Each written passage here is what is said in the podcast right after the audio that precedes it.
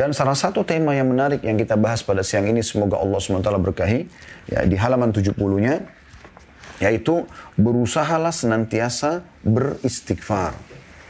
Dan istighfar ini memohon maaf kepada Allah. Ya. Kalau taubat biasa kita gabungkan astagfirullah wa atubu ilaih. Artinya permohonan maaf kepada Allah dan mengikrarkan tidak akan mengulanginya. Taubat itu menyatakan tidak akan mengulangi. Seperti Anda sedang membuat uh, permohonan maaf kepada pimpinan perusahaan Anda pada saat Anda melakukan satu pelanggaran, Anda mengatakan dengan lisan saya mengajukan permohonan maaf saya, kemudian Anda buat tulisan ya ikrar tidak akan mengulangi kesalahan tersebut itu yang dikenal dengan istighfar dan taubat dalam makna ibadah kepada Allah Subhanahu wa taala. Tadi itu contoh kalau kita realisasikan dalam kehidupan kita sehari-hari sebagai contoh saja supaya mudah difahami. Nah, teman-teman sekalian, istighfar ini sebuah bonus dari Allah kalau bahasa saya. Saya ulangi lagi. Dia adalah bonus dari Allah Subhanahu wa taala. Bagaimana setiap orang di antara kita setelah melakukan sekian banyak pelanggaran dan tidak ada yang lebih mulia, yang lebih baik, yang lebih dermawan daripada Allah Subhanahu wa taala.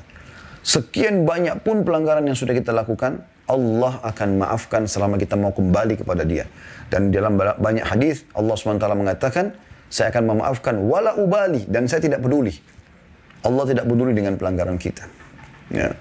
Jadi harus ditekankan baik-baik masalah ini teman-teman sekalian. Cukuplah yang sudah berlalu, berlalu. Sampai kita bicara sekarang hari ini ke depan. Jadilah orang mukmin dan mukminah yang benar. Yang mengisi sisa umurnya ini yang kita tidak tahu kapan akan berakhir ya, karena ajal itu rahasia Allah Subhanahu wa taala kita isi dengan kebaikan-kebaikan, ketaatan-ketaatan. Ya. Dan ini adalah bonus yang luar biasa. Bahkan saya bisa membahasakan istighfar itu dan taubat adalah tiket VIP menuju ke surga di akhirat sana dan tiket VIP untuk mengembalikan fasilitas yang Allah berikan sebagai rezeki di dunia.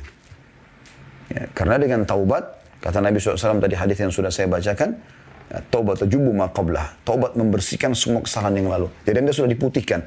Pernah sudah diputihkan berarti fasilitas secara duniawi dari rezeki dan kebutuhan kita akan dikembalikan oleh Allah Subhanahu wa taala. Bahkan bisa ditambahkan karena kita lebih giat dalam patuh. Dan di akhirat pada saat meninggal kita masuk ke dalam surga. Lalu kenapa teman-teman kita tidak berusaha selalu istighfar? Itulah judul kita. Berusaha senantiasa istighfar. Tidak ada ruginya beristighfar itu. Pernah satu kali Imam Ahmad rahimahullah uh, di masa akhir hidup beliau tergerak hatinya untuk datang ke sebuah kota. Tapi beliau tidak tahu kenapa beliau ke sana gitu. Beliau datang, kemudian sampai ke kota itu, beliau tidak kenal orang-orang, maka beliau ke masjid, ikut sholat. Selepas sholat isya di masjid tersebut, Imam Ahmad rahimahullah uh, tidak dikenal oleh orang-orang di wilayah itu. Karena zaman dulu tidak ada foto kayak kita sekarang ya. Mudah dikenal. Oh ini mukanya ustadz ini, kiai ini seperti ini. Mudah dikenal. Kalau sekarang zaman dulu tidak bisa. Kecuali orang bertemu langsung. Kemudian kita tahu, oh ini Ahmad bin Hambal, oh ini Syafi'i, oh ini Abu Hanifah, oh ini Imam Malik, dan seterusnya. Ya. Maka marbot masjid datang, kemudian mengatakan kepada Imam Ahmad, sudah selesai sholat isya, Anda harus keluar dari masjid. Kata Imam Ahmad, saya musafir, tidak ada kenalan di sini. Saya akan istirahat di masjid. Marbotnya dengan tegas mengatakan tidak bisa. Anda harus keluar dari masjid. Masjid akan dikunci. Gitu kan. Maka Imam Ahmad pun diusir dari masjid tersebut. Andai saja orang ini tahu siapa Imam Ahmad, siapa orang ini, dia adalah Ahmad bin Hambal yang terkenal namanya pada saat itu di seluruh wilayah kaum muslimin sebagai imam madhab. Ya. Maka tentu dia tidak akan bermuamalah seperti ini. Yang terjadi teman-teman sekalian, setelah dikeluar, Imam Ahmad disuruh keluar dari masjid, Imam Ahmad istirahat di teras masjid. Orang ini masih mengatakan lagi, hai orang tua, karena Imam sudah tua pada saat itu. Nggak boleh di sini. Kata Imam cuma teras masjid. Dia mengatakan tidak boleh. Nah rupanya pembicaraan atau dialog antara Imam Muhammad sama marbot masjid ini didengar oleh seseorang penjual roti di sebelah masjid. Penjual roti di sebelah masjid. Maka penjual roti itu mengatakan, Hai Syekh. Syekh itu kalau dalam bahasa Arab terjemahan Indonesia-nya bisa bermakna tiga ya. Bisa syekh itu orang kaya, biasa dipanggil juga syekh karena kaya. Atau orang alim, orang yang punya ilmu, syekh. Atau orang tua, yang sudah tua dipanggil syekh semuanya. Jadi Jadi tergantung kondisinya. Kalau itu seorang alim maka maksudnya syekh adalah kepada alim tersebut. Atau kalau dia orang kaya raya juga dipanggil syekh gitu kan karena dia dermawan suka membagi hartanya kepada orang. Atau memang dia orang sudah tua, ubanan, segala macam sudah kelihatan jenggotnya putih, rambutnya putih, maka dipanggil syekh juga. Penjual roti di sebelah masjid ini melihat Imam Muhammad dianggap orang tua. Sudah tua lalu dia mengatakan, "Hai syekh, hai orang tua." Ke sinilah. Imam Muhammad pergi ke sana dia mengatakan, saya sudah mendengar, kata penyorot ini, saya sudah mendengar tadi dialog Anda sama marbot masjid. Uh, saya punya tempat di sini, dia bilang, Anda bisa pakai istirahat, silakan. Gitu kan. Imam Ahmad mengatakan, jazakallahu khairan. Duduklah Imam Ahmad dipersilakan satu tempat. Lalu punya ini terus menjual, membuat uh, adonan roti dan mem membuat roti yang jadi, ditaruh di depan dia untuk dijual gitu ya. Nah, ada satu kegiatan yang unik dari penjoroti ini. Dia setiap kali membuat adonan, tepung terigu, garamnya, airnya. Uh, sambil itu kemudian dia bakar, panasin di api, lalu diletakkan untuk diperdagangkan, diperdagangkan kepada para pembeli. Dia beristighfar orang ini. Astagfirullah wa atubu ilaih, astagfirullah wa atubu ilaih. Terus orang itu begitu. Terus, tidak berhenti. Maka Imam Muhammad bertanya pada dia. Mulai kapan anda ini melakukan kegiatan ini, istighfar ini? Kata dia sudah lama dari dulu, dari saya masih muda gitu. Kata Imam Ahmad, apa hasilnya? Apa yang Anda dapatkan? Dan ini ciri orang beriman teman-teman sekalian. Kalau ada sesuatu yang kita lihat atau satu perbuatan yang luar biasa dari sisi ibadah kepada Allah yang kita mungkin tidak pernah lakukan, harusnya kita bisa bertanya kepada orang-orang itu. Mungkin mereka punya kiat-kiat atau pengalaman hidup yang bisa mengubah mengubah keadaan kita, mengikuti dia lebih baik bertakwa kepada Allah SWT. Maka dia mengatakan punya roti itu menjawab pada saat Imam Ahmad tanya, apa hasilnya dari istighfarmu ini? Semua ini, tidak pernah lisannya berhenti kecuali dia bicara sama Imam Ahmad. Astagfirullah wa atubu ilaih, astagfirullah. Terus. Jadi sudah nggak terhitung lagi jumlahnya. Maka dia pun mengatakan, semua yang saya minta kepada Allah sudah Allah kabulkan. Kecuali satu. Kata Imam Ahmad, apa yang satu yang Allah belum kasih itu? Dia bilang, saya minta agar Allah mempertemukan saya dengan Imam Ahmad bin Hanbal. Maka Imam Ahmad bin Hanbal tiba-tiba bertakbir, Allahu Akbar. Kata orang tersebut, kenapa anda bertakbir? Dia bilang, saya Ahmad bin Hanbal. Allah datangkan saya dari kota saya ke kota ini tanpa ada seorang pun yang saya kenal. Kemudian saya diusir oleh marbot masjid sehingga saya didatangkan oleh Allah ke tempatmu ini karena istighfarmu tadi. Jadi bagaimana istighfar orang ini sampai mendatangkan yang dia inginkan. Ini sesuatu yang luar biasa. Bagaimana fasilitas dunia itu Allah berikan, kembalikan kepada dia. Ini baru di dunia, belum di akhirat. Ya, belum di akhirat. Dalam sebuah hadis Bukhari dijelaskan bahwasanya akan ada orang nanti diberikan derajat yang tinggi di surga. Dia sendiri tahu dia nggak mungkin sampai ke derajat itu. Dia mengatakan dari mana wahai Tuhanku ini? Saya tidak merasa pernah mengerjakan amal-amal sehingga saya sampai derajat ini. Apa kata Allah subhanahu wa ta'ala kepada dia? Itu istighfar anakmu untukmu. Jadi mengajarkan kepada anak agar memohon ampun buat orang tua, itu luar biasa istighfar meninggikan derajat di surga nanti. Bukan hanya sekedar masuk surga. Terus dengan istighfar yang ada, baik kita lakukannya atau kita orang lain yang memohon ampun untuk kepada Allah untuk kita, maka akan sama hasilnya. Jadi teman-teman luar biasa yang harus diperhatikan. Dalam pembukaan kita saya ingin coba mengangkat sebagian perkataan salaf sebelum kita baca bukunya ya tentang masalah istighfar ini.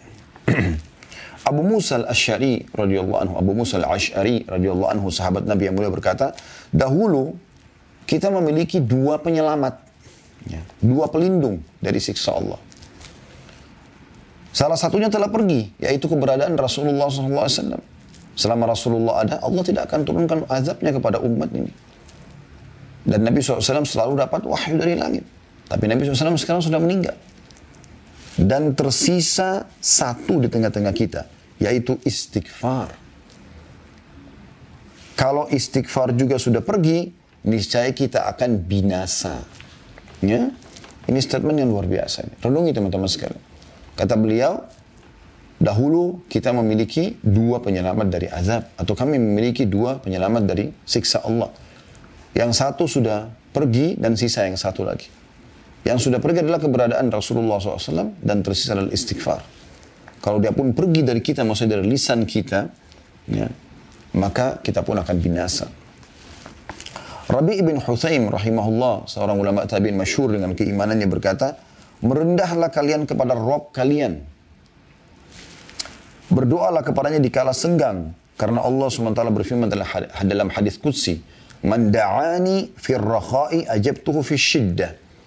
Siapa yang berdoa kepadaku pada saat sedang lapang, lagi sehat badannya, lagi banyak hartanya, lagi harum namanya, ya, lagi baik hubungannya dengan istri dan anak-anaknya, hidup di lingkungan yang nyaman, kendaraan tunggangan yang nyaman. Dia berdoa kepada Allah pada saat itu, maka Allah akan mengijabah permintaannya pada saat dia sedang sulit. Karena kan biasanya orang kalau lagi melimpah nikmat Allah, dia malah lalai ya. Contoh misalnya teman-teman lagi rekreasi nih ya, keluar kota dengan keluarga. Coba Anda perhatikan, biasanya kita lalai kita mendapatkan hotel bintang 5, pemandangan yang indah, udara yang segar, fasilitas yang luar biasa memukau, memuaskan jiwa. Maka biasanya orang lalai, sholatnya telat. Nggak lagi baca Quran, zikir pagi petangnya terbengkalai. Ya. Sering nggak Anda lihat pada saat lagi liburan sekolah biasanya, sebelum masa pandemi ya, ke mana orang-orang tua baca anak-anaknya? Banyak yang mengajaknya ke kolam renang, di sana terbuka aurat. Laki-laki dan perempuan Ya. Laki-laki cuma pakai celana pendek, bahkan mirip seperti celana dalam, mohon maaf. Perempuannya cuma pakai BH dan celana dalam. Dan disaksikan oleh anak-anaknya. Mereka pun dengan jilbab besarnya si ibu, ayahnya mungkin kelihatan ada simat atau tanda-tanda iltizam, ya, ketaatan kepada Allah dari pelihara jenggot, mungkin uh, dia pakai baju koko, pakai kopi ya, misal contoh ya. Nah, Ternyata dia ke sana dan pun lihat, lihat mereka lihat. Jadi lalai, gitu kan? Jadi lalai. Atau ke pinggir pantai, atau ke mana saja tempat-tempat kemaksiatan, atau keluar negeri ke negara-negara kafir, akhirnya uh, terbengkalai, kan gitu. Makanya di saat-saat justru kita lagi puncak-puncaknya nikmat, ya, kita harus lebih kuat dalam beribadah. Harusnya pada saat kita ke puncak, ya, kalau di, mohon maaf teman-teman yang di luar dari Jabodetabek, mungkin yang belum pernah pun ke sini, puncak itu nama satu wilayah di Jawa Barat yang uh, memang tempat rekreasi. Biasanya orang pergi di uh, apa namanya weekend ya di Sabtu Ahad untuk rekreasi keluarga, banyak villa-villa yang disewakan. Mungkin di setiap kota Anda juga ada itulah. Ya. Maka orang kadang-kadang pergi seperti ini, lalai mereka. Harusnya kita pada saat pergi seperti itu makin bagus sholat malamnya di udara yang sejuk, di hotel bintang 5, di pemandangan yang indah, di sudut Anda berzikir, Anda bertafakur, duduk di teras hotel, Anda memikirkan penciptaan langit dan bumi. Harusnya seperti itu, ya. Bukan malah lalai. Bukan malah lalai, bukan malah melakukan kemaksiatan kepada Allah SWT. Nah ini kata kunci, kalau orang mengingat Allah, berdoa kepada Allah, di saat dia sedang senang, malah dia makin giat beribadah, maka Allah akan mengijabah permohonan dia di saat dia lagi susah. Ya. Waman sa'alani a'taituhu. Lanjutan hadis. Dan siapa yang memohon kepadaku, kata Allah, aku akan berikan. Mungkin ada di antara anda yang berkata, ada permintaan saya yang belum diterima, belum diberi oleh Allah Ustaz. Maka saya jawab, mungkin. Tetapi mayoritas permintaan anda sudah Allah kasih. Ada yang Allah tunda, mungkin karena permintaannya tidak wajar, atau dia minta sesuatu yang wajar tapi Allah ingin menguji keimanannya sehingga ditunda beberapa saat, tapi Allah akan ijabah. Contoh mayoritas permintaan kita sudah Allah kabulkan. Bukankah setiap hari kita lapar teman-teman sekalian? Begitu kita lapar, di hati kita terbesit saja mau makan. Tiba-tiba kita dapat makanan tuh. Kalau tidak kita nggak mungkin hidup sampai sekarang kan. Bukankah tiap hari kita haus? Tapi begitu kita haus, kadang-kadang cuma kita ucapkan haus nih, mata kita dan pikiran kita terarah ke satu supermarket lalu kita beli minuman misalnya. Dan kita bebas memilih minuman yang mana kita inginkan. Lalu kita meneguk minuman yang dingin dan sejuk itu ya, sehingga menghilangkan dahaga kita. Bukankah banyak sekali ya yang lainnya kita misalnya uh, setiap hari ingin berpenampilan dengan penampilan yang bagus, yang membuat kita nyaman dan penilaian orang juga jadi positif kepada kita. Dan kita punya pakaian. Kalau mau dihitung teman-teman sekalian pakaian kita dari kita masih bayi sampai kita sekarang ini. Berapapun umur Anda. Mungkin itu sudah puluhan juta, mungkin ratusan juta nilainya. Begitu juga dengan makanan yang kita konsumsi. Belum lagi hal-hal yang lain, yang gratis. Oksigen yang kita hirup, cahaya yang ditangkap oleh mata, suara yang ditangkap oleh kuping, sehingga kita bisa dengar. Kita nggak tuli, nggak buta, ya, nggak bisu. Itu kan luar biasa itu. Nikmat Allah subhanahu wa ta'ala. Lidah kita masih berfungsi bisa bedakan mana pahit, mana asin, ya, mana manis dalam waktu seketika. Hidung kita masih bisa membedakan mana bau wangi, bau busuk seketika. Kan itu luar biasa. Telinga kita masih bisa membedakan mana intonasi suara yang tinggi, yang keras, mana yang tidak. Mata kita masih bisa menangkap cahaya sehingga terpantul ya sesuatu yang kita bisa melihat dari cahaya tersebut apa yang ada di depan kita. Makanya kalau gelap sekali kan karena tidak ada cahaya yang masuk ke mata kita, kita nggak bisa melihat gitu kan. Uh, kemaluan kita masih berfungsi, kaki kita masih berfungsi dan seterusnya. Nikmat yang luar biasa yang Allah siapkan. Ya. Maka Allah sudah berikan kepada kita sebenarnya. Allah berikan kepada kita banyak hal. Cuma sebagian yang Allah belum berikan sebagaimana alasan dari saya katakan. Mungkin tidak wajar atau wajar tapi Allah ingin menguji keimanan kita. Lanjutan hadisnya, "Wa man tawadha'a li rafa'tuhu." Dan siapa yang merendah kepadaku, kata Allah SWT, maka akan meninggikan derajatnya. Merendah, bukan menghinakan diri ya, tapi merendah, mengalah. Karena Allah Subhanahu wa taala. Lanjutan hadisnya, "Man tafarraga li rahimtu." Siapa yang meluangkan waktu khusus untukku, maka aku akan mengasihi dia. Khusus untuk ibadah kepada Allah SWT. Lagi ada waktu khusus berdoa, berzikir, sholat, puasa, baca Quran, dan seterusnya. Dan saksi bahasan kita akhir hadis, "Wa man istaghfarani ghafartu lahu." Dan siapa yang memohon ampun kepadaku, maka aku akan memaafkannya. Hadis ini ya uh, hadis sahih tentunya ini ya. Tapi perkataan Rabi ibn Husain rahimahullah ini diambil dari kitab Minhajus Salihin halaman 951. Ini belum kita masuk ke bahasan kitab kita ya. Saya hanya ingin meng menghadirkan um, sebelum kita masuk panjang lebar ini teman-teman sekalian ke pentingnya istighfar. Kenapa tema kita ini berusaha selalu istighfar? Ibnul Jauzi berkata, rahimahullah, iblis berkata, aku membinasakan anak cucu Adam dengan dosa. Perhatikan, iblis membinasakan kita dengan dosa. Karena dengan dosa kita akan jauh dari Allah Subhanahu wa taala, jauh dari fasilitas yang Allah siapkan karena kita melanggar. Nabi Adam alaihissalam dikeluarkan dari surga melanggar, gitu kan? Sampai dia memohon ampun kepada Allah. Itu pun ya, butuh waktu untuk kembali lagi ke surga. Dan mereka membinasakanku kata iblis dengan istighfar dan la ilaha illallah. Upaya yang sangat besar dari iblis untuk menyesatkan manusia itu seketika habis setelah dia bermaksiat 20 tahun, 30 tahun. Dia beristighfar di tahun 31-nya ya, atau tahun 41 dari setelah dia kemaksiatan. Allah maafkan semuanya. Habis upaya iblis. Maka binasa kata iblis. Saya binasa ini karena upaya saya semua energi yang saya keluarkan, strategi dan segala macam habis dengan istighfar. Dan la ilaha illallah. Dengan terus bergantung memahami makna tidak ada Tuhan yang berhak disembah kecuali Allah. Lalu hanya bergantung kepada Allah. Dengan penuh keyakinan Allah itu maha kuasa, maha adil, maha baik. Ya, dan seterusnya. Jadi ini statement yang luar biasa.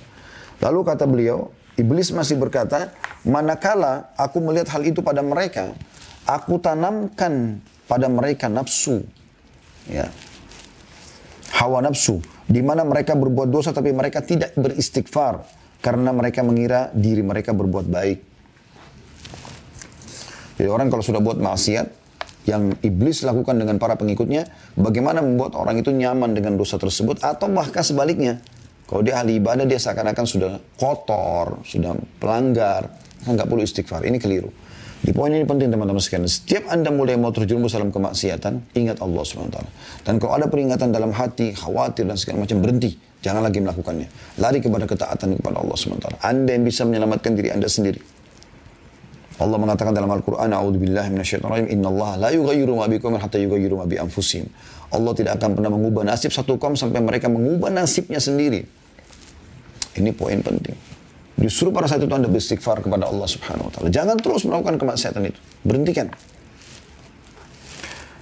Kata ada berkata rahimahullah, perkataan yang luar biasa ini. Dia mengatakan, Al-Quran menunjuki kalian penyakit dan obat penyembuh kalian. Al-Quran menunjukkan kepada kalian tentang penyakit yang berbahaya buat kalian. Dan ada penawarnya. Ada obatnya. Penyakit kalian adalah dosa. Penyakit kalian adalah dosa. Nah, kita harus paham, jadi dosa itu penyakit, racun. Berbahaya buat kita. Dosa itu untuk dipelajari dan ditinggalkan. Amal soleh dipelajari itu diamalkan. Dan obat penyembuh kalian dari dosa tersebut adalah istighfar. Adalah istighfar. Ali radhiyallahu anhu berkata, statement yang menarik sekali dari beliau, sahabat Nabi yang mulia. Yang aneh adalah orang binasa padahal keselamatan bersamanya. Orang tertahan fasilitas dunianya, penyakitnya nggak sembuh-sembuh, nggak dapat dapat jodoh, nggak bisa maju-maju usahanya dan segala macam hal. Yang aneh adalah orang binasa padahal keselamatan ada bersamanya. Di akhirat juga dia masuk neraka. Maka beliau ditanya, apa keselamatan anda maksudkan? Kata Ali radhiallahu istighfar. Memohon ampun kepada Allah. Apa pun permasalahan anda saudaraku, saya ulangi lagi, permasalahan apa pun yang sedang anda hadapi, kecil ataupun besar di dunia ini, maka yang paling pertama, istighfar kepada Allah. Berusaha selalu istighfar. Mohon ampun. Karena penyebabnya dosa. Gitu kan? Lalu beliau mengatakan, tidaklah seorang hamba diilhami oleh Allah SWT untuk beristighfar, sementara Allah berkehendak untuk mengazabnya. Jadi kalau ada hamba yang Allah mudahkan untuk beristighfar, berarti memang Allah inginkan untuk mengampuni dia. Kalau Allah memudahkan lisan anda mengatakan, Ya Allah bukakan rezeki buat aku, berarti Allah sedang ingin memberikan anda rezeki. Ya Allah masukkan aku dalam surga, selamatkan aku dari neraka. Berarti Allah memang menginginkan anda masuk dalam surga. Karena dengan izin Allah lah lisan kita bisa mengucapkan itu. Sampai kadang-kadang teman-teman, saya kalau lagi berdoa, saya coba membahasakan begini. Ya Allah, yang telah mengizinkan lisanku untuk mengucapkan doa ini. Yang mengizinkan, mengizinkan, mengizinkan dahiku untuk sujud di tempat sujud ini. Mengizinkan untuk mengerjakan sholat ini. Jadi kita renungi apa yang sedang Allah berikan ini. Karena Allah gerakkan kita untuk itu, berarti Allah ingin sesuatu. Allah ingin menginginkan kita mendapatkan kebaikan yang akan kita minta setelah itu. Luqman alaihi salam ada yang mengatakan dia nabi, ada yang mengatakan juga dia orang soleh, kita menganggapnya adalah nabi misalnya. Karena Allah sebutkan namanya dalam Al-Quran surah Luqman ya. Dia pernah berwasiat kepada anaknya, wahai anakku, Allah memiliki beberapa waktu tidak ditolak orang yang meminta pada waktu itu. Seperti antara azan dan iqamah, seperti sepertiga malam. Yang Anda sudah tahu pada saat hujan turun, ya doa orang tua pada anaknya dan seterusnya. Maka perbanyaklah istighfar. Perhatikan di sini, wasiat Luqman alaihissalam bukan bukan uh, perbanyaklah permintaanmu. Ya. Tapi dia mengatakan perbanyaklah istighfar. Karena dengan istighfar ini, permohonan maaf, Allah akan berikan semuanya. Perhatikan waktu Nabi Adam alaihissalam melakukan pelanggaran. Makan pohon dari pohon yang Allah larang. Apa yang terjadi? Apakah Nabi Adam mengatakan, Ya Allah, kembalikan aku ke surgamu? Bukan. Nabi Adam mengatakan, Rabbana zalamna anfusana. Ya Allah kami telah menzalimi diri kami. Diri kami. Wa lana wa tarhamna lanakunanna minal khasirin. Kalau engkau tidak memaafkan kami, mengasihi kami, mengasihi kami, maka kami termasuk orang-orang yang rugi. Karena Nabi Adam AS sangat faham dengan mohon ampun kepada Allah akan kembali fasilitas tersebut. Ya, seperti itu. Aisyah berkata, radhiyallahu anha, ummul mukminin, Tuba, Tuba ini sebuah uh, tempat di surga, ya, pohon di surga, atau sebuah pohon di surga. Tuba bagi orang yang mendapatkan banyak istighfar dalam buku catatan amalnya. Kemudian Abu Minhal rahimahullah berkata, tidaklah seorang hamba didampingi dalam kuburnya oleh pendamping yang lebih dia cintai daripada istighfar. Anda mau pendamping yang paling anda suka di kuburan, yang anda merasa tentram dengannya, karena memang dalam sebuah hadis Bukhari dijelaskan, seseorang itu akan ditemani oleh amalnya. Amal soleh itu akan berbentuk seperti makhluk. Kalau dia amal soleh, seperti bentuk makhluk yang tampan, yang wangi, yang bercahaya. Dan dia kagum jenazah ini karena berada di sebelah amal itu. Dan kalau orang naudzubillah meninggal, semoga Allah selamatkan kita dan memaafkan kalaupun kita punya kesalahan masa lalu. Dari perzinahan, dari minum khamar, dari narkotika, dari menipu orang, dari segala macam perbuatan buruk, maka akan berbentuk wujud. Ya. Ya, bentuk wujud uh, sosok yang menakutkan, yang mengeluarkan bau yang sangat busuk. Ya. Al-Hasan Basri berkata rahimahullah, seorang ulama tabi'in, renungi baik-baik semua nasihat yang mulia ini. Perbanyaklah istighfar di rumah-rumah kalian, di meja-meja kalian, di meja-meja makan kalian, di jalan-jalan kalian, di pasar-pasar kalian, di majelis-majelis kalian. Karena kalian tidak tahu kapan ampunan itu turun. Ya. Makanya di sini judul kita menarik sekali. Berusahalah selalu istighfar. Ini Hasan Basri mengatakan, karena kalian tidak tahu kapan ampunan itu datang. Dari istighfar yang mana. Seorang badui berkata, siapa yang ingin menjadi tetangga kami di tanah kami, hendaklah memperbanyak istighfar. Karena istighfar adalah awan tebal yang mengandung air hujan. Jadi mereka memberikan syarat siapa mau jadi tetangganya, silakan. Tapi perbanyak istighfar. Akhirnya jadilah engkau ahli ibadah yang dekat kepada Allah SWT. Karena tidak mungkin istighfar kecuali ahli ibadah. Gitu kan. Mereka tahu nilainya permohonan maaf kepada Allah itu. Karena itu akan mendatangkan hujan, hujan yang lebat bukan sebagai bencana, tapi maksudnya hujan lebat yang membuat tanah-tanah subur, hewan-hewan bisa hidup, manusia juga bisa hidup, sungai-sungai, lautan bisa terlihat sebagai perhiasan di muka bumi dan bisa memenuhi kebutuhan manusia. Bakar bin Abdullah Al-Muzani rahimahullah berkata, kalian banyak berbuat dosa, maka perbanyaklah istighfar. Karena seseorang kalau menemukan istighfar dalam catatan amalnya pada setiap jarak dua baris, dia akan senantiasa atau senang melihat di, melihat tempat itu. Ini mirip sama judul kita ya, berusaha selalu beristighfar, senantiasa istighfar. Kata beliau, kalian banyak buat dosa. Bahkan kadang-kadang ada dosa yang tidak sengaja kita lakukan. Jadi kan. Maka Apalagi yang kita sengaja. Maka beliau mengatakan perbanyak istighfar. Karena kalau sesuatu antara kalian menemukan nanti di setiap dua baris dari buku catatan amalnya istighfar, dia akan senang itu. Karena buat dosa, istighfar. Ada dosa, ada istighfarnya. Gitu kan. Bahkan istighfar ini bisa memudahkan urusan teman-teman sekalian. Dinukil dari Imam Syafi'i rahimahullah. Beliau pernah diberikan atau sering diberikan tugas oleh gurunya Imam Waqi' rahimahullah dan selalu Imam Syafi'i lupa. Saya dikasih kesempatan uh, tugas untuk menghafal lupa. Maka beliau menyebutkan dalam syairnya masyhur. Syakautu ila waqi'i suwahifzi. Aku mengeluhkan kepada Imam Waqi' tentang buruknya hafalanku. Fa'arsyadani ila tarkil ma'asi. Maka dia memerintahkan aku untuk atau menunjukiku untuk meninggalkan kemaksiatan. Wa akhbarani bi anna ilma nurun dan dia memberitahukan kepadaku bahwasanya ilmu itu adalah cahaya nurullahi la yu'ta li dan cahaya Allah tidak akan diberikan kepada ahli maksiat. Ibnu Taimiyah berkata rahimahullah, pikiranku terpaku pada sebuah masalah yang sulit bagiku. Maka aku beristighfar kepada Allah seribu kali sampai dadaku dilapangkan dan masalah sulit terpecahkan. Aku kadang berada di pasar, di masjid atau di sekolah, tapi hal itu tidak menghalangiku dari zikir dan istighfar sampai aku meraih apa yang aku inginkan. Nah itu kan luar biasa statement-statement ini.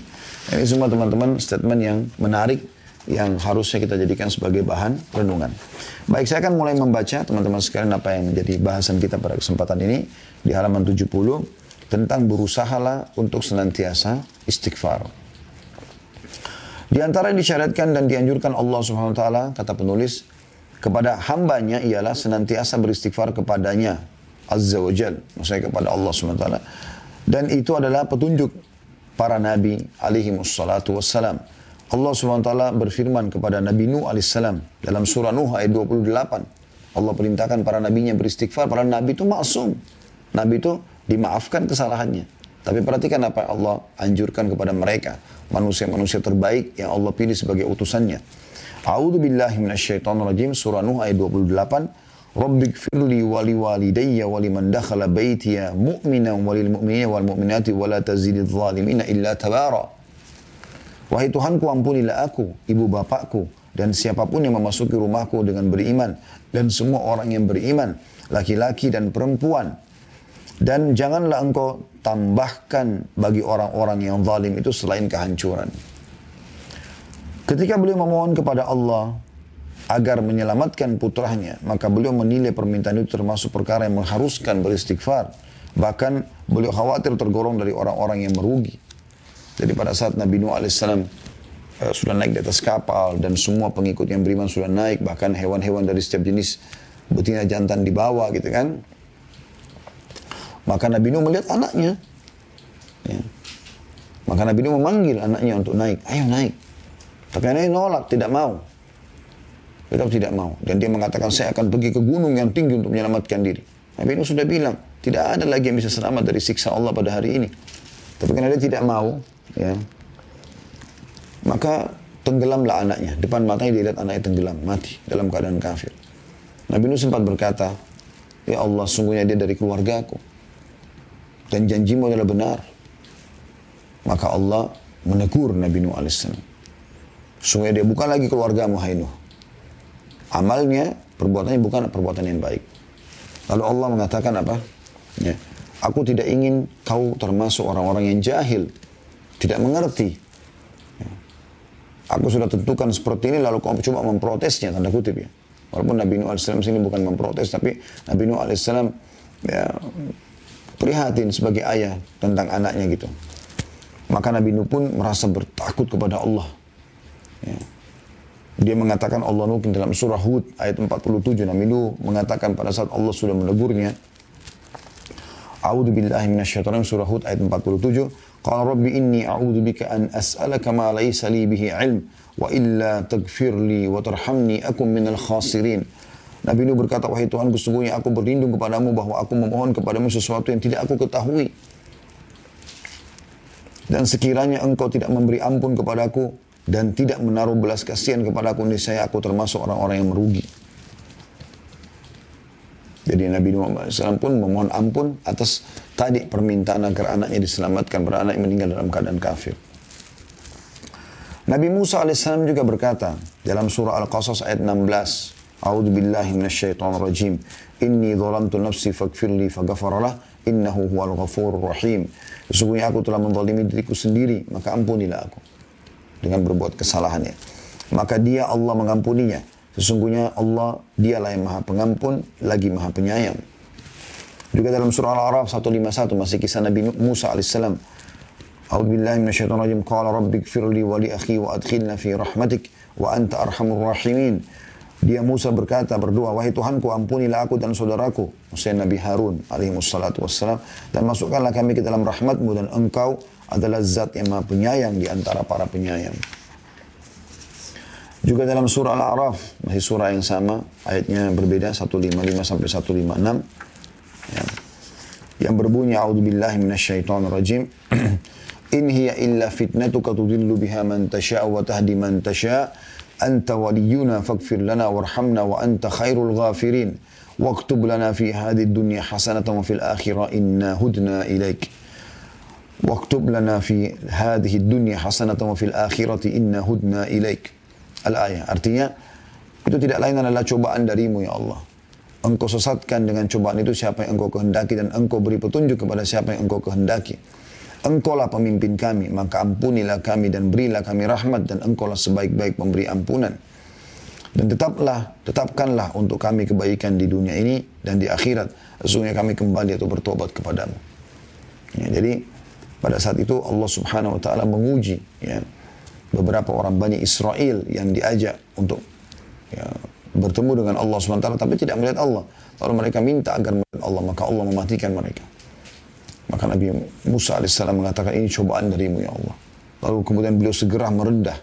Engkau menyesatkan dan memberi petunjuk siapa yang kau kehendaki. Engkaulah ya, wali kami, menolong kami, pelindung kami. Maka maafkanlah kami dan kasihani kami. Sungguhnya engkau sebaik-baik pemaaf.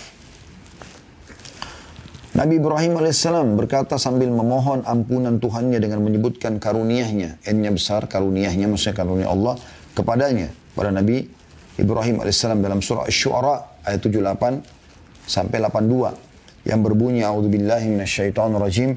Alladzi khalaqani fahuwa ya, fahuwa yahdin walladzi huwa yut'imuni wa yasqin wa idza maridtu fahuwa yashfin walladzi yumituni thumma yuhyin walladzi atma'u walladzi atma'u an yakfira li khati'ati yaumaddin yang telah menciptakanku Allah. Ya maka dia, dianya besar kata ganti Allah yang memberikan petunjuk kepadaku. Yang memberi makan dan minum kepadaku. Dan apabila aku sakit, dialah yang menyembuhkanku. Dan yang akan mematikanku, kemudian akan menghidupkanku kembali. Dan yang sangat kuinginkan akan mengampuni kesalahanku pada hari pembalasan nanti. Juga Nabi Ibrahim AS mengatakan dalam surah Ibrahim ayat 41. A'udhu billahi minasyaitonir rajim. Rabbana gfir lana wali walidayya. Rabbana gfir lana wali walidayya Ya. Ulangi saya ulangi. Rabbana gfirli wali walidayya walil mu'minina yawma yakumul hisab. Ya.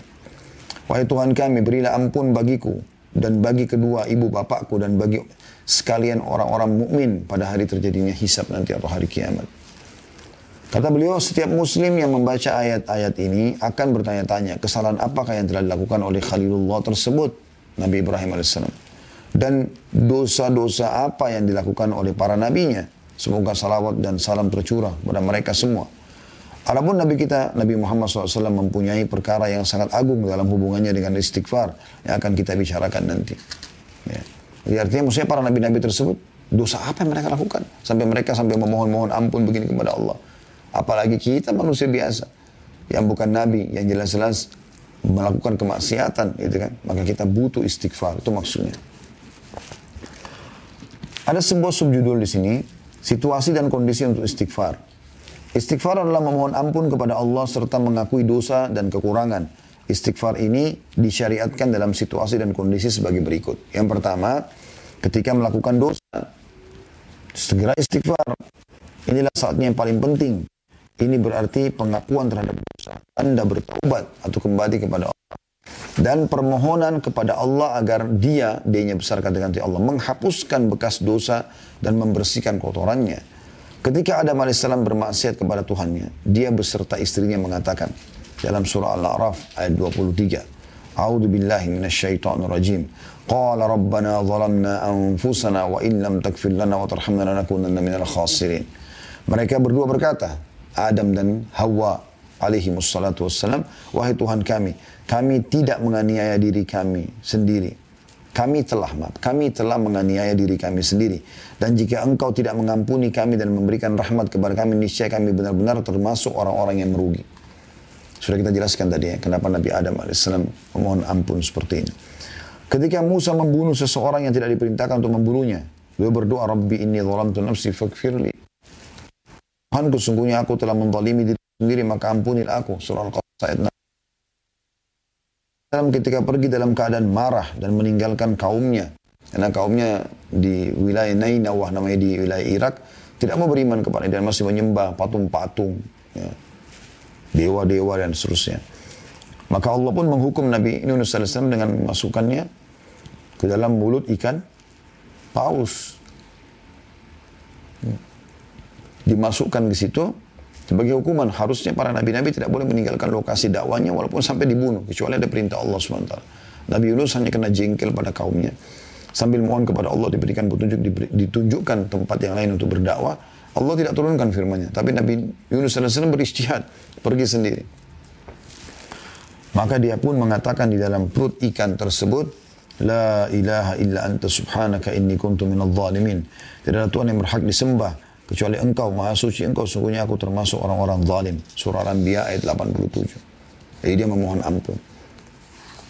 Allah juga berfirman dalam surah An-Nisa 110 yang bunyinya a'udzubillahi minasyaitonir rajim wa may ya'mal su'an aw yadhlim nafsahu thumma yastaghfirillah yajidillah ghafurur rahima barang siapa yang berbuat keburukan kemaksiatan dan menganiaya dirinya kemudian dia memohon ampunan kepada Allah niscaya dia akan mendapatkan Allah Maha Pengampun lagi Maha Penyayang. Jadi siapa pun berbuat dosa, sebesar apa pun, sebanyak apa pun dia melakukannya, selama dia mau istighfar dan bertobat kepada Allah, tentu yang tulus ya, bukan hanya istighfar, ya sudahlah Ustaz kan tadi bilang istighfar, astagfirullah, tapi dia tidak niat dalam hatinya, maka ini berbeda, tidak masuk. Orang harus memohon ampun istighfar kepada Allah memang menyesali perbuatannya gitu kan, maka dia akan mendapatkan Allah Maha Pengampun lagi Maha Penyayang. Juga dalam surah Al-Imran ayat 135 Allah mengingatkan pada saat orang mau terjerumus dalam dosa kemudian dia ingat Allah lalu dia beristighfar itu Allah maafkan. Pada saat kita mau melakukan satu perbuatan dosa lalu kita merasa khawatir, takut segala macam itu adalah sebuah karunia yang luar biasa. Allah sebutkan dalam surah Al-Imran 135 A'udzubillahi minasyaitonirrajim walladzina idza fa'alu fahishatan aw zalamu anfusahum dzakarullah fastaghfiru lidzunubihim fastaghfiru lidzunubihim wa ma yaghfiru dzunuba illallah dan orang-orang yang apabila mengerjakan perbuatan keji atau menzalimi diri mereka sendiri, mereka segera berzikir, mengingat, menyebut Allah. Lalu memohon ampun atas dosa-dosa mereka. Dan siapa lagi yang dapat mengampuni dosa selain Allah. Jadi pada saat Anda mau berzina, Anda mau berbohong, Anda melakukan perbuatan apa ada rasa khawatir, segera tangkap rasa khawatir dari Allah SWT. Astagfirullah wa atubillah. Ya memang saya melakukan. Ya memang saya tidak mau lakukan ini. Misalnya. Ya. perbuatan zina maksudnya, tidak mau melakukannya. Atau dia melakukan kebohongan, iya memang saya melakukannya, dia jujur. Gitu ya. Karena takut hanya kepada Allah SWT. Rasulullah SAW bersabda kepada Aisyah radhiyallahu anha, Ya Aisyah, in kunti al-mamti bi dzambin fastaghfirillah fa inna taubata min adz-dzambi nadamu wal istighfar. Wahai Aisyah, jika kamu telah melakukan dosa, memohon ampunlah kepada Allah sebab sesungguhnya taubat dari dosa adalah penyesalan dan beristighfar. Hadis riwayat Ahmad jilid 6 halaman 464 ya. Dari hadis ini kita akan coba membaca beberapa hadis-hadis ya setelahnya yang menjelaskan kepada kita tentang anjuran untuk beristighfar pada saat sedang melakukan perbuatan dosa ya Kemudian beliau mengangkat lagi hadis yang lain. hadis Abu Hurairah radhiyallahu anhu disebutkan bahwa Rasulullah SAW bersabda Innal abda idha akhta'a khati'atan نكتت في قلبي نكتة سوداء فإذا هو نزع واستغفر وتاب سقل قلبه سقل قلبه. وإن عاد زيد فيها حتى تعلو على قلبه وهو الران الذي ذكر الله كلا بران على قلوب ما كانوا يكسبون. سورة المطففين آية 14 ترجمان حديث إني sesungguhnya kata Nabi SAW, seorang hamba melakukan satu kesalahan atau dosa, maka dalam hatinya terbentuk satu bercak hitam. Eh, dosa itu luar biasa. Berhentikan fasilitas, menggelapkan hati, yang merupakan mahkota daripada tubuh ini. Gitu kan. Jika dia meninggalkan kesalahannya, beristighfar dan bertaubat, maka hatinya dibuat cemerlang kembali, dihapus. Menjadi terang benderang lagi. Menjadi punya ide Semuanya kebaikan-kebaikan yang dia ter, terlintas di hatinya. Gitu kan. Dari kejujuran, dari tanggung jawab, dari amanah, dari sedekah, dan seterusnya. Namun, kata Nabi SAW, jika dia melakukan dosa, dia malah dari dosa ke dosa lagi. Dari dosa ke dosa terus. Bukannya bertaubat, maka bercak hitam itu dibuat semakin bertambah. Sehingga menutupi hatinya. Dan itulah makna arran yang Allah sebutkan dalam surah Al-Mutaffifin. Ya. Kalla barran. Ya. Sekali-kali tidak, bahkan apa yang mereka kerjakan itu telah menutupi hati mereka. Dari maksudnya menutupi hati itu jadi keras hatinya. Bahkan dalam ayat Al-Quran yang lain Allah mengatakan, ya, Au asyaddu kaswah. Lebih keras daripada batu. Karena sudah luar biasa dari dosa ke dosa bahkan dianggap seperti main permainan saja. Orang seperti ini subhanallah mau bencana alam, mau ada teman di sebelahnya lagi naik mobil bersama tabrakan, mati depan matanya, pecah kepalanya, keluar dan tidak tersentuh sama sekali. Orang beriman itu sedikit aja. Sedikit aja tanda-tanda yang kelihatan depan matanya dan dia khawatir maka dia langsung kembali kepada Allah. Nabi Muhammad SAW dikatakan dalam riwayat yang sahih kalau melihat ada gumpalan awan hitam, ya, belu gelisah, bolak-balik. Sampai pasti turun air hujan yang sejuk, yang benar, yang baru beliau tenang. Beliau khawatir jangan sampai gumpalan asap itu justru siksaan Allah yang datang. Begitu orang beriman, pekahnya, hati-hatinya gitu. Bahkan sebagian salafus soleh mengatakan, aku tahu aku punya dosa, pada aku melihat perubahan sikap dari pasangan hidupku. Suami ataupun istri. Ya. Tungganganku. Bahkan tikus yang masuk ke dalam rumahku. Teman-teman tahu, coba renungi ya. Uh, uh, tafsir surah Saba. Surah nomor 34 tentang negeri Saba ayat 15-nya, seingat saya ayat 15 itu. Yang menceritakan tentang bagaimana Allah menjadikan mereka sebagai tanda-tanda kebesaran. Dalam buku Fathul Qadir, ya, disebutkan di tafsir ayat ini, bahwasanya saking patuhnya penduduk Sabak pada saat itu, ya Allah jadikan tanda-tanda kebesaran, Allah mengatakan baldatun tayyibatun warbun ghafur, ya, negeri yang makmur, yang tentram, yang nyaman, ya, itu dan Tuhannya Maha Pengampun. Dikatakan saking makmurnya pada saat itu mereka tidak punya hewan-hewan yang membahayakan buat mereka. Lalat, nyamuk, kutu, kalajengking dan lain-lainnya. Maka dinukil juga bahwasanya ya, seorang wanita kalau mau, mau, mau manen buah, dia cuma menaruh keranjang di atas kepalanya, kemudian dia jalan di bawah pohon. Dia jalan di bawah pohon, maka buah-buah itu jatuh sendiri sampai memenuhi keranjangnya. Saking luar biasanya. Tapi setelah generasi-generasi yang datang ada yang kufur kepada Allah, mereka malah bermaksud kepada Allah, Allah hilangkan semua itu. Allah hancurkan bendungan mereka namanya Saddul Ma'rib. Allah hancurkan sehingga Berubahlah kebun-kebun yang tadinya buah-buahan, sayur-sayuran yang luar biasa, ya, nyamannya, itu menjadi dua perkebunan dari pohon-pohon cemara dan pohon-pohon sidir, ya, atau bidara yang berduri.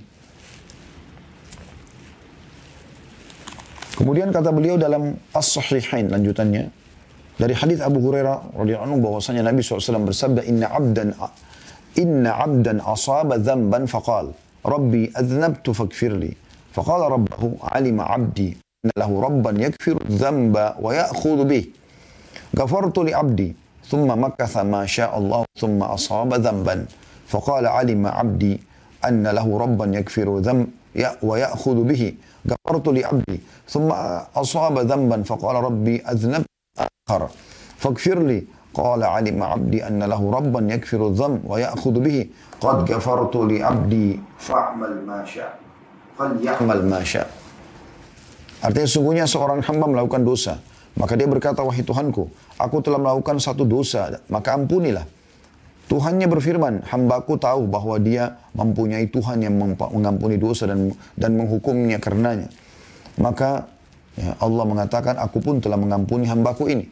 Kemudian berjalan waktu yang Allah tentukan untuk dia dari masa umurnya, Kemudian dia melakukan dosa lagi beberapa waktu tahun setelah itu. Beberapa waktu setelah itu dia melakukan dosa lagi. Lalu dia memohon, dia mengatakan lagi, wahai Tuhanku, aku telah melakukan dosa, memohon ampun kepada Allah. Lalu Allah mengatakan, hambaku mengetahui bahwasanya dia mempunyai Tuhan yang akan mengampuni dosanya. Maka aku telah mengampuni hambaku ini. Kemudian dia melakukan dosa kembali beberapa waktu setelah itu. Tanpa dia programkan ya. Terulang aja dosa itu. Misalnya 10 tahun kemudian dia kembali lagi melakukan perbuatan dosa. Dia tidak niatkan sebenarnya. Lalu dia mengatakan, Ya Allah, aku telah melakukan dosa lagi, ampunilah aku. Maka Allah pun berfirman, hambaku telah mengetahui dia mempunyai, dia mempunyai Tuhan yang mengampuni dosa dan menghukum karenanya. Ya. Maka aku telah mengampuni hambaku ini, maka dia melakukan apa yang dia kehendaki. Maksudnya setelah ini silahkan dia patuh kepadaku, aku akan terima amal-amal solehnya. Hadis ini riwayat Bukhari nomor 7507 dan Muslim 2758. Juga Imam Ahmad meriwayatkan jadi dua halaman 296. Jadi ini teman-teman sekalian adalah hal yang luar biasa yang harusnya kita menjadikan sebagai sebuah pegangan ya. Dan saya ingin sebagai penutup teman-teman sekalian kita juga di poin pertama saja dulu. Kita akan lanjutkan nanti di pertemuan akan datang. Eh, dengan eh, salah satu ayat Al-Quran yang kita sama-sama coba tadaburi. Itu dalam surah Az-Zumar ya. Coba kita buka surah Az-Zumar di ayat 53 surah Az-Zumar surah nomor 39 ayat 53. Saya berharap teman-teman semua membuka ini penutupan bahasan kita dan setelah ini kita buka pertanyaan insya Allah yang berbunyi sekali lagi surah Az-Zumar surah nomor 39 ayat 53. A'udzu billahi minasyaitonir rajim. قل يا عبادي الذين أسرفوا على أنفسهم لا تقنطوا من رحمة الله Inna Allah yakfiru dhunuba jami'a innahu huwal ghafurur rahim. Artinya katakanlah, hai Muhammad, pesan dariku kata Allah. Hai hamba-hambaku, kanya besar kata ganti Allah, yang melampaui batas dalam melakukan dosa-dosa. Sudah terlalu banyak dosanya, sudah numpuk tahunan. Katakanlah Muhammad hai hamba-hambaku yang telah melampaui batas. Jadi bukan hamba-hamba yang baru melakukan dosa, yang sudah melampaui batas, berlebihan dalam dosanya. Katakanlah hai hamba-hambaku yang melampaui batas terhadap diri mereka sendiri. Janganlah kamu berputus asa dari rahmat Allah. Yang mengatakan ini sang pencipta Allah. Khusus Allah berikan bagi hamba-hamba yang melampaui batas.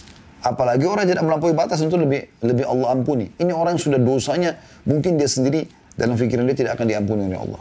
Sudah sekian banyak orang dibunuh, diperkosa, wah minum khamar, narkotika, segala macam lah. Kesalahan, seluruh kesalahan dia lakukan. Ya. Katakan pada mereka, jangan putus asa dari rahmat Allah.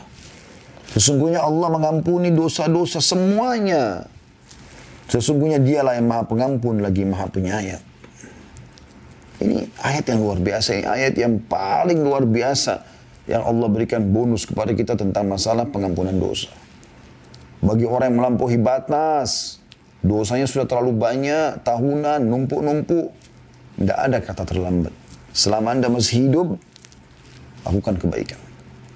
Ya, beristighfar kepada Allah Subhanahu wa taala, Allah akan membuka pintu-pintu kebaikan buat Anda. Dan itu Allah jelaskan di ayat selanjutnya 54-nya kita tambahkan ayat ini. Wa anibu ila rabbikum wa aslimu lahu min qabli an ya'tiyakumul adzabu thumma la tunsarun. Dan kembalilah kamu kepada Tuhanmu segera taat setelah itu.